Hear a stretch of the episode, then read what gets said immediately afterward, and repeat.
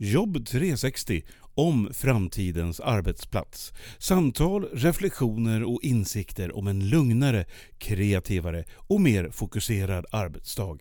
Inbjudna gäster tillsammans med Pia Andreasson och hennes kollegor från Direxio.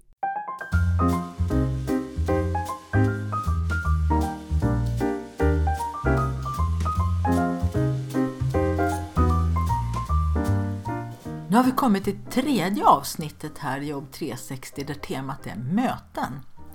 Och den här gången har jag kallat in en riktig mötesexpert, Fredrik Bauer. Och jag har bett honom att han ska prata väldigt specifikt om det här med hybrida möten. Alltså möten där några sitter i ett rum och några andra är med digitalt via Teams eller Zoom eller någon annan plattform. Och det är väldigt mycket funderingar på hur ska mötena bli i framtiden? Kommer vi bara ha hybrida möten? Hur ska vi klara det?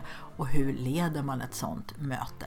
Så det ska bli jättespännande att höra vad Fredrik har att säga. Välkommen till Jobb 360!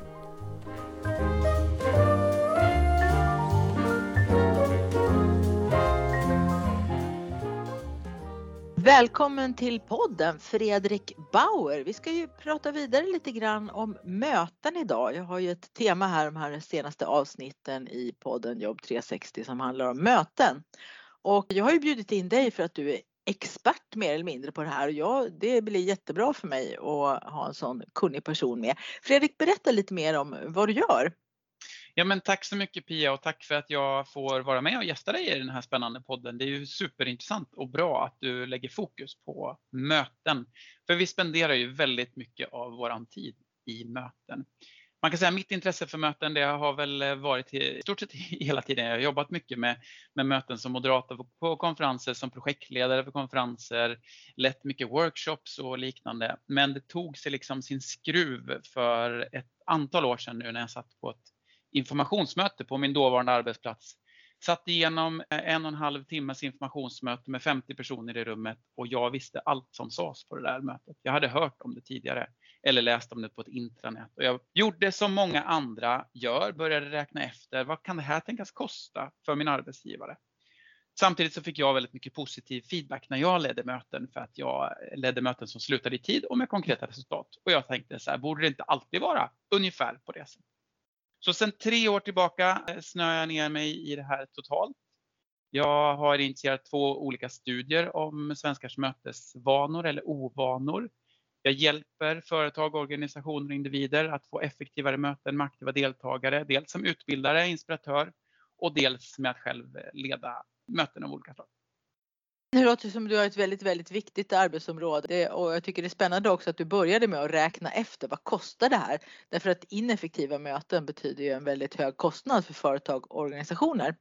Vi initierade en studie 2019 och en 20, nu i våras 2021. Vi kan komma tillbaka till den, men om man bara bottnar i hur många möten i snitt vi säger att vi har och det här är väldigt, väldigt lågt räknat så kan man räkna på att en arbetsplats med 100 medarbetare kostar mötestiden, alltså bara själva mötestiden, ungefär 12 miljoner per år.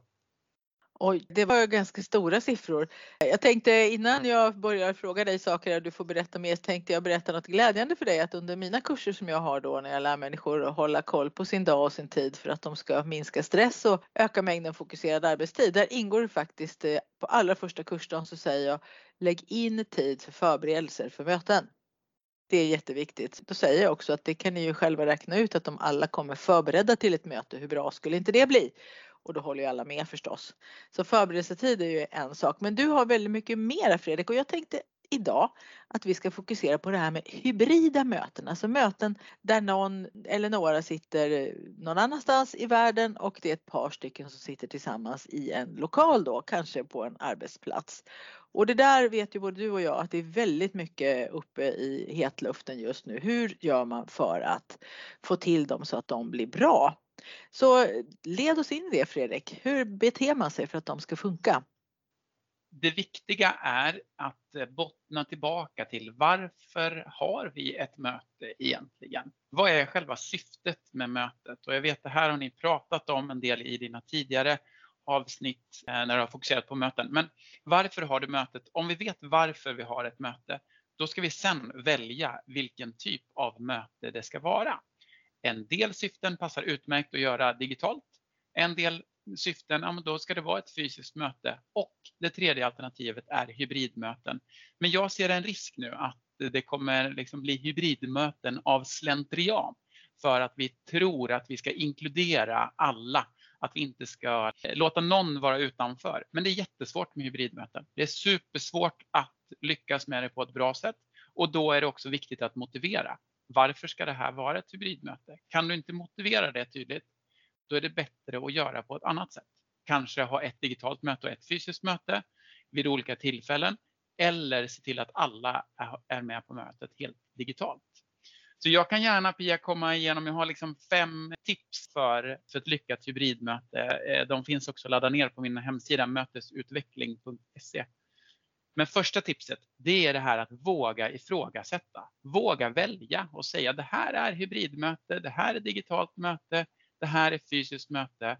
Och väljer du att säga att det är ett fysiskt möte, då ska du göra de sakerna som man inte kan göra digitalt. Då ska du gå in på det sociala eller det kollaborativa, hur man samarbetar bra.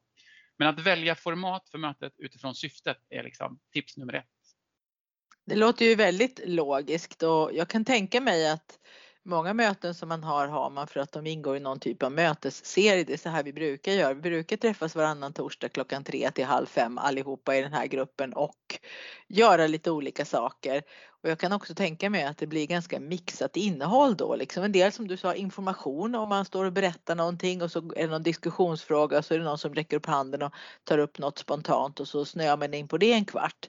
Eh, och då är det ju så att de mötena kanske inte har något tydligt syfte. Eh, mm. den som säger att man vill ha effektiva möten, den går inte på möten eller planerar inte in möten som är, det här är mötet som vi har eh, en gång varannan torsdag bara för att stämma av. Utan då är det supertydliga syften som man behöver skaffa sig. Så de här avstämningsmötena som ligger regelbundet, det är det man ska börja med att våga ifrågasätta? Eller? Jag skulle säga så här att nu har vi ett ypperligt tillfälle att tänka om hur vill vi lägga de där återkommande mötesstrukturerna? För det är klart att det finns en poäng med att ha en återkommande mötesserie på något sätt. Men att tydliggöra varför ska vi ha det? Och också ifrågasätta tiden. Jag vet att ni, när du har pratat med Annie Pettersson tidigare så har ni varit inne på att det är bra med kortare möten. Att då tänka efter, behöver vi verkligen boka in de här 60 minuterna eller som du sa nu, 3 till halv 5 eller vad du sa, det är ju ett jättelångt möte. Har man det som ett stående möte då ska det vara jätteviktigt varför har vi det? Det kan vara en superbra poäng att ha dem. Men att verkligen tydliggöra det nu när du då går in i det hybrida och tänka efter vad ska vi göra som digitalt, vad ska vi göra som fysiskt? Okej, första tipset, våga ifrågasätta och vad har vi för syfte med mötet? Vad är tips nummer två då Fredrik? Det handlar om att tänka digitalt. Om vi ska ha ett hybridmöte kommer det inte bli bra att de som är i det fysiska rummet eller de olika fysiska rummen för den delen ska vara kreativa och börja sätta upp post-it-lappar på någon vägg samtidigt som man tror att de digitalt, man glömmer kanske bort dem och tänker ja men ni kan också svara på den här frågan, skriv i, i chatten eller kan ni skicka in någonting i efterhand. Vi behöver ju vara med på lika villkor och då behöver man använda de digitala lösningarna som finns för diskussion och dokumentation. Det finns massor med olika verktyg Mentimeter, Svava, Howspace. Det finns väldigt många olika verktyg som man då kan använda så att vi interagerar på samma sätt oavsett om vi är med digitalt eller fysiskt. Ja, så att om människor sitter i samma rum några stycken så ska de fortfarande kan man säga vara semidigitala då för att alla ska ha samma sätt att dela saker i mötet. Om man ska samla in idéer som är väldigt vanligt eller åsikter om eh, någonting då behöver vi göra det på ett likvärdigt sätt. Vi kan inte göra det på två eller flera olika sätt. Så likvärdighet är tips nummer två. Och där tänker jag också att en del i likvärdigheten har väl att göra med att alla fått samma chans att förbereda sig också. Ja absolut och det vet jag, ni har varit inne på förberedelser. Jag brukar prata om en annan fempunktslista när jag pratar om hur man skapar effektiva möten, nämligen man kan koka ner i akronymen SURFA vad som gör ett möte effektivt och det här baserar vi på de här två olika studierna som jag har nämnt. Där S står för struktur, alltså syfte, mål och agenda. U står för underlag, alltså att man ska ha fått någonting innan mötet. R står för rätt personer vi har en tendens till att bjuda in alldeles för många personer på många av mötena. F står för fokus, att vi ska ha mötena korta, koncisa och vara fokuserade på det vi faktiskt ska prata om. Och A står för avslut, alltså hur vi kommer bäst ihåg det som händer i slutet av ett möte. Och då ska vi tydliggöra det i slutet. Så om man lyckas följa de fem liksom, punkterna, då kommer man väldigt, väldigt långt och det där är inte raketforskning utan det är något som alla kan relatera till. Det handlar bara om att vi faktiskt ska börja göra det. Okej, surfa, så det där ska jag också försöka komma ihåg för det kan ju vara viktigt att använda i alla sammanhang. Och jag älskar ju när man får möjlighet att förbereda sig och vara lite inläst därför att då går ju, då går ju samtalet och tankegångarna så mycket bättre sen på mötet än om man först ska ta emot information och sen ögonblickligen därpå skapa sig tankegångar kring det man just hörde. Det är inte alla hjärnor som funkar på det viset. Nej, och då eh. använder man heller inte mötesformatet på det bästa sättet. För anledningen till att man är i ett möte samtidigt, oavsett om det är digitalt, fysiskt eller hybrid, det måste ju vara att man ska ägna tiden åt diskussion, interaktion. Om man bara ska sända ett budskap, då finns det väldigt många andra kommunikationskanaler som passar bättre för det. Skicka ut en film, skriva på ett intranät, skriva ett kort PM eller, eller så. Okej, så det var två tips då. Vad är det för tips nummer tre som du har på din lista Fredrik? Ja men precis, vi har pratat om att välja format för mötet utifrån syftet på mötet. Vi har pratat om att tänka digitalt, hur man interagerar med varandra. Det tredje måste bli att våga vara tydlig. Alltså välj de enkla lösningarna, testa tekniken och förklara för de som ska vara med på mötet på ett enkelt och inkluderande sätt. Det är inte någon som kommer bli irriterad om du skulle beskriva tydligt hur man ska göra för att tycka till eller vara med. Men om man inte alls vet hur man ska bete sig och inte ens vet vem man ska fråga, då kommer folk vara exkluderade. Oavsett vad det är för format, men det kommer vara supertydligt i det, i det hybrida mötet. För det är nytt för många. Jag brukar ju skriva när jag skickar första inbjudan till mina kursdeltagare då att hör av dig om du har frågor kring allt det här då. För jag har ju lite instruktioner och så. Eh, och det händer ju att människor hör av sig och det verkar på dem som att det kändes väldigt bra att kunna få den möjligheten att höra av sig. Men tror du Fredrik att det kan vara så att nu här när vi har börjat ha mycket digitala möten och man ska tänka till och hybridmöten och så, att människor kanske är lite oroliga för att skriva det i sin inbjudan. Hör av dig till mig om du undrar över något, för tänk om man inte kan svara på de frågorna som kommer då. Och så kanske man inte vågar vara så öppen. Så är det säkert och jag tänker steg ett, det ska vara att du ska beskriva. På det här mötet kommer vi att använda de här verktygen på det här sättet till exempel. Vi är ju inne i en fas nu, ungefär samma fas som vi var i början av pandemin när det var mycket som var nytt. Det var inte många som hade haft särskilt mycket digitala möten för tre år sedan. Idag är det någonting som för många är vardagsmat. Sen är det inte säkert att alla möten är bra för det. Men vi var, då gick vi in i en lärofas. På samma sätt så går vi in i en lärofas nu.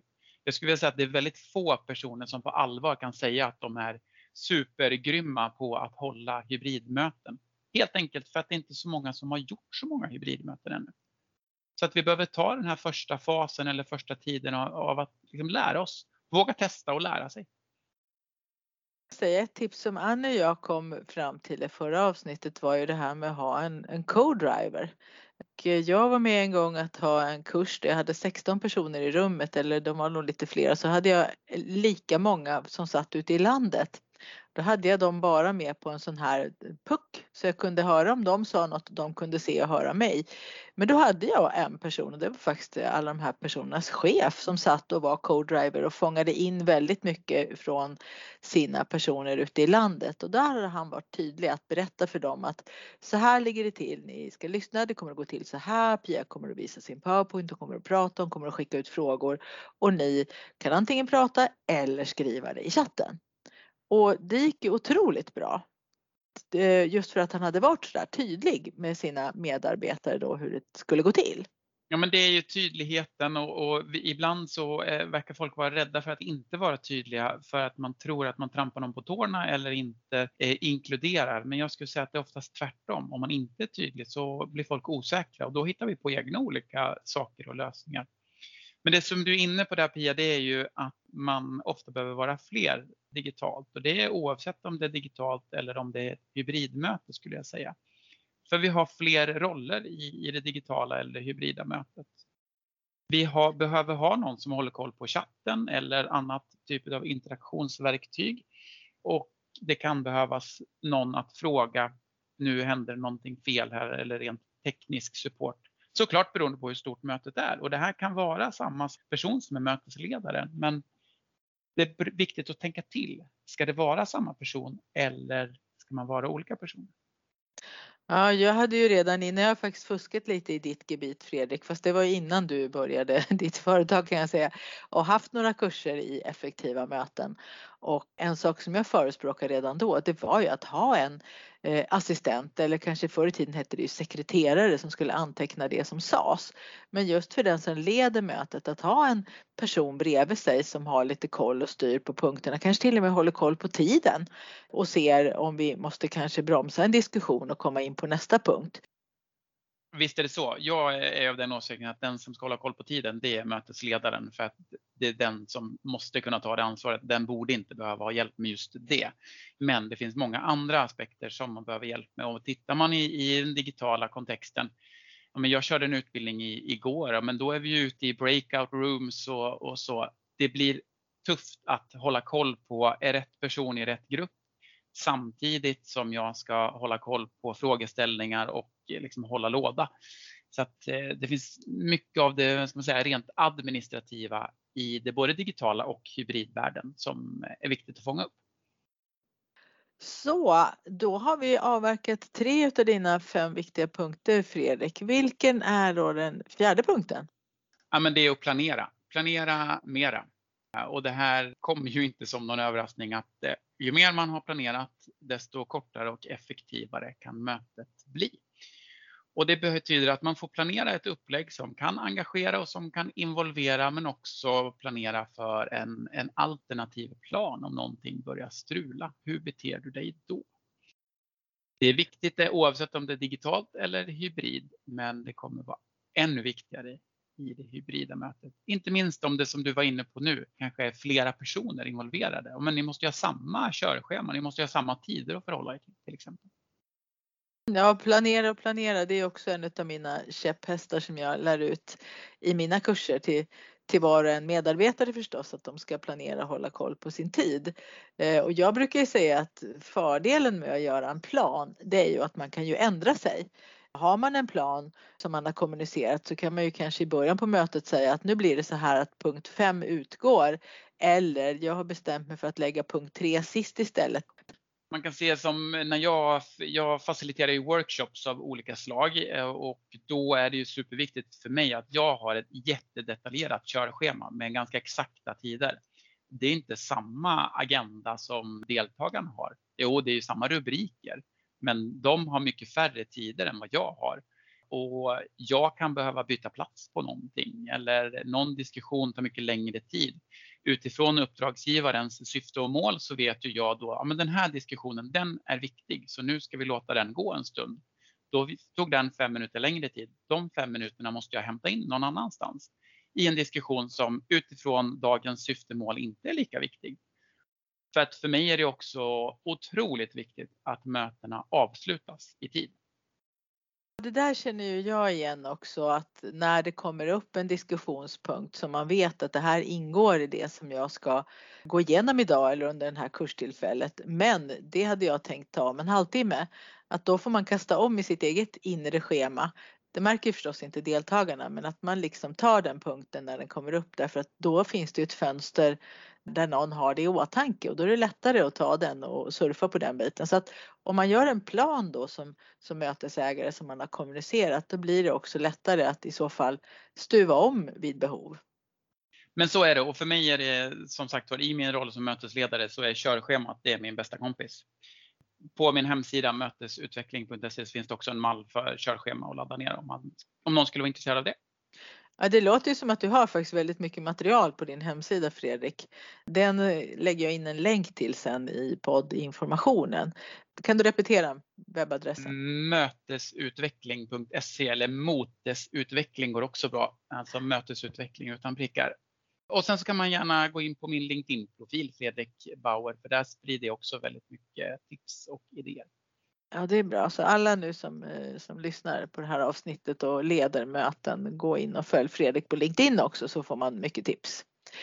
Så planera, planera Fredrik. Det var nästa punkt på din lista och vilken är då den femte och sista punkten på den här viktiga listan? Ja, men alla sådana listor skulle ju kunna göras hur långa som helst naturligtvis, men för att koka ner det på något sätt så den sista punkten här, det handlar om mötesledaren. Alltså den som ska leda ett hybridmöte har en utmaning framför sig. Att ha deltagare både digitalt och fysiskt är tufft. Det är absolut inte omöjligt utan man kan göra det på ett jättebra sätt. Men frågan är, vem är det som klarar det? Det är inte säkert att det är chefen som är den bästa mötesledaren. Ibland kan det vara bra att ta in en extern mötesledare för att alla på allvar ska kunna vara aktiva i diskussionen. Ibland kan det vara en medarbetare från en annan avdelning eller någon av medarbetarna istället för, för chefen. Frågan är helt enkelt, vem är det som klarar av utmaningen att ha med sig deltagare både på distans och i rummet?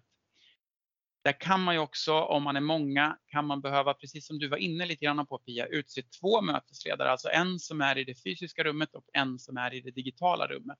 Till exempel när man ska göra gruppindelningar och så, då kanske man behöver splitta upp det på olika, olika sätt.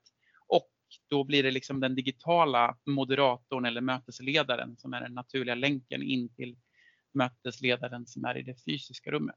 Så att tänka efter på ordentligt. Vem är rätt mötesledare för det här mötet? Alltså om man är chef då kan man alltså tänka sig att eh, man är lite ödmjuk och har en medarbetare som är bättre på att, att hålla den här typen av möten än vad man själv är. Om man är ärlig mot sig själv och sina kollegor så absolut ja. Det är ju 60% av de som leder möten som saknar utbildning i att leda möten. Alltså man har ingen som helst utbildning i att själv leda möten. Och då gör man ju på ungefär samma sätt som man alltid har gjort eller som man har varit eh, uppväxt i eller vad man ska uttrycka sig, även om det kanske inte alltid är det bästa. Så att våga ta bort det ansvaret från sig själv och på det sättet kunna vara med i diskussionerna på ett annat sätt. Det är ofta väldigt effektfullt.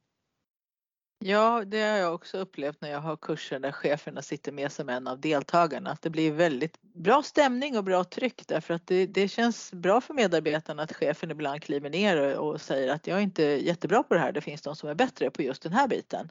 Och så blir man en eh, i, i gänget istället ett tag vid just ett specifikt möte kanske om ett specifikt ämne. Eller om man har ett kanske då lite större möte som är hybridmöte där man, där man kliver åt sidan och låter någon som är duktigare på det leda det mötet. Jag tänkte på en sak, tror du att det kan vara så här att ute i organisationer som är lite större att det kan finnas ett par, tre stycken medarbetare som, som visar sig vara riktiga stjärnor på det här med att leda möten? Ja, ja, och det, det, finns ju i större organisationer så kan man ha någon eh, intern facilitator eller man kan ha processledare på olika sätt som är grymma på ledamöten. Så absolut, det finns ju i, i många av de större organisationerna så finns det. Ja, det är kanske en tanke vi behöver skicka med de som lyssnar nu idag att fundera på om ni behöver ha sådana här mer eller mindre professionella mötesledare som lär sig väldigt mycket om det här med hybrida möten. Kanske genom att gå kurs hos dig då, men att det kan vara väldigt lönsamt för att man får väldigt effektiva och bra möten då. Ja, det är ju klassiskt sett om man gör en eh, större konferens så är det ju inte ovanligt att man tar in en moderator för den konferensen. På samma sätt så kan man ju ta in eh, en som är duktig på att leda möten som facilitator kallar man det ofta för då. För att, att leda diskussioner och diskussioner och workshops mer så att säga. Mm. Ja, det räcker ju med att man kanske är en avdelning på 30-40 personer. Det är som du sa i början där att om man har ett sådant möte som inte är optimalt, ja då har man ju bränt väldigt många timmar där eftersom det är så många deltagare. Det räcker ju med att det kanske är en halvtimme som inte är optimal så har du ju 15 timmar bort utan vidare. Jag tänkte på en annan sak när det gäller de här hybrida mötena eller kanske framförallt en sak som jag tycker man borde ha lärt sig nu när man haft mycket digitala möten. För att förr i tiden när mötena var fysiska och alla satt i samma rum då kunde ju den som ägde mötet då säga så här att ja, är det någon som har något att tillägga eller är det någon som har någon kommentar på det? Och så kunde man då kanske tolka kroppsspråk lite grann och se om det var någon som hade något på hjärtat. Jag tycker att det var en dålig metod redan då därför att om man hade en sån som jag i gänget, det vill säga en sån som kan öppna munnen och bara börja prata och så kommer det ut saker som låter hyfsat smarta direkt liksom då tog ju en sån person över i rummet och det var bara hens åsikter kanske eller tankar som kom fram och så var det någon mer som hade kommentarer till det och så kanske man hade några medarbetare som nästan aldrig sa något. Men då tyckte ändå den som ledde mötet att ja, ja, men nu har jag frågat, nu har alla fått säga sitt. Men så var det ju inte. Men i det här digitala mötet så verkar det som att många har lärt sig att nu måste jag fråga runt. Det, går liksom, det är svårare att släppa ordet fritt när man sitter i ett digitalt möte eller ett hybridmöte. Så istället att man går laget runt och frågar vad säger du Kalle, Stina, Pelle, Niklas och så. Och på det viset få med mycket flera röster. Vad tror du om den tankegången? Tror du att människor har lärt sig nu att fråga runt hellre än att lämna ordet jag fritt? Att, jag hoppas att vi har förstått att mötesledarens roll är väldigt eh, viktig och många har ju suttit och, och, upplevt just det här som du säger. Och då är ju en metod är ju att fråga, gå laget runt. Är man lite fler så brukar det ofta ta lite för lång tid och snarare dränera på energi än att man faktiskt får energi av det. Och då finns det återigen interaktiva verktyg som gör att man kan svara på någonting eh, på en gång. För att jag tycker att vi ibland så underskattar vi det skrivna ordet. Eh, I ett möte, om det är digitalt, så kan du jobba med chatten. Du får svar från alla på en gång eller ett annat interaktivt verktyg. Och ska du göra just hybridmöten, då är det inte jättesmart att använda chatten om du inte kan frikoppla chatten från själva mötesprogrammet. Eftersom några personer sitter i ett mötesrum, alltså inte inkopplad med sin egen dator. Ja, just det. Och eh, jag tänkte på det här med att samla in eh, från alla. Chatten är ju som du säger jättebra för man kan ju säga att nu tar vi en minut och så får ni var och en skriva i chatten vad ni tycker och sen sammanfattar vi det sen och distribuerar det på ett annat sätt. Och då vet ju alla det att nu kommer allas tankar och, och, och åsikter med här och, och vi kommer att få det fast inte på sekunden. Nej, fast du eh. kan få det på sekunden. Om du, dels om alla, alltså om man, beroende på vad det är för frågeställning, om man tittar i chatten men också om du använder eh, ett gemensamt dokument och skriver i till exempel eller om du använder post-it lappsverktyg och skriver i det, ja, det. eller jobbar med ordmoln till exempel. Ja, de där ordmolnen är ju jättebra och effektiva och synliggör väldigt bra på det sättet. Men som det jag tänker är den stora finessen är ju att man kan få med fler röster om man är lite smart när man har de här nya typerna av möten än de man hade innan. Just att alla kommer till tal. Så jag tycker det är en ganska fin demokratisk tanke i det för att ibland så undrar jag, jag är ju har ju varit med i yrkeslivet ett tag så undrar jag hur mycket min verbala förmåga då har bidragit till att kanske tysta andra i de mötena som jag har suttit i och det är ju ingen rolig tanke. Så nu skulle jag gärna se att man kan slippa. Okej Fredrik, det var ditt femte och sista tips och eh, kan du räkna upp de här igen så jag har några frågor till till dig sen men ta de här lite kort igen. Vad är Absolut. dina fem det huvudtips? första det handlar om att bottna ner i syftet. Alltså varför har du mötet och utifrån det välja, ska det vara ett digitalt eller fysiskt eller ett hybridmöte och tänka efter ordentligt. Ska det verkligen vara ett hybridmöte? Alltså välja format utifrån syfte, första tipset. Andra tipset, tänka digitalt, välja interaktionsverktyg som funkar digitalt så att ni inte interagerar på olika sätt. Tredje tipset, vara tydlig. Välj de enkla lösningarna och var tydlig med hur och varför ni ska använda dem. Fjärde tipset, planera. Planera mera. Femte tipset, använd rätt mötesledare för mötet. Tänk dig så här utifrån det du har hört nu då, i nuläget ute på företag och organisationer och så vidare. Vilket av de här tipsen skulle du säga att det är som de mest behöver? Alltså det är syftet. Det är alltid oavsett vad det är för möte. Så det finns jättemånga som sitter igenom möten som inte har något tydligt syfte. Eller vi slentrianmässigt bokat in möte eller som jag tror nu då slentrianmässigt så tänker man sig att men vi har ett möte här på kontoret men det är tre som har tänkt sig inte vara här idag. Ja, men vi kopplar upp dem på en dator istället för att bestämma sig för det här funkar jättebra som ett digitalt möte men då ska alla vara vid sina egna skärmar. Eller det här är ett fysiskt möte så då ni tre som inte kom in idag, ni kan inte vara med på det här mötet. Sorry. Ja, så att man är mycket mer distinkt med vad det är som man ska uppnå på mötet och sen så funderar man på, ska vi ha fysiskt eller ska vi ha helt digitalt eller kan det möjligen funka med ett hybridmöte då och då behöver man ju lösa det utifrån de förutsättningarna som, som är. Ja men verkligen så. För att oavsett vad det är för möte så, så behöver du hela tiden bottna ner i så här, men varför har vi det här mötet? Utifrån det så behöver du bestämma vad det är för format. vad det är för längd, var det ska vara någonstans, hur det ska genomföras. Ja, precis. Fredrik, det har varit jätteintressant att prata med dig. Jag hoppas verkligen att det är många som lyssnar på det här avsnittet om hur man gör hybrida möten och det var ju väldigt mycket utav de här punkterna som gäller för alla möten men eh, som såklart eh, är extra viktiga om man nu ska sitta med möten där människorna är på olika platser och några i ett rum. Jag tackar dig Fredrik för att du ville vara med i Jobb 360. Tusen tack Pia!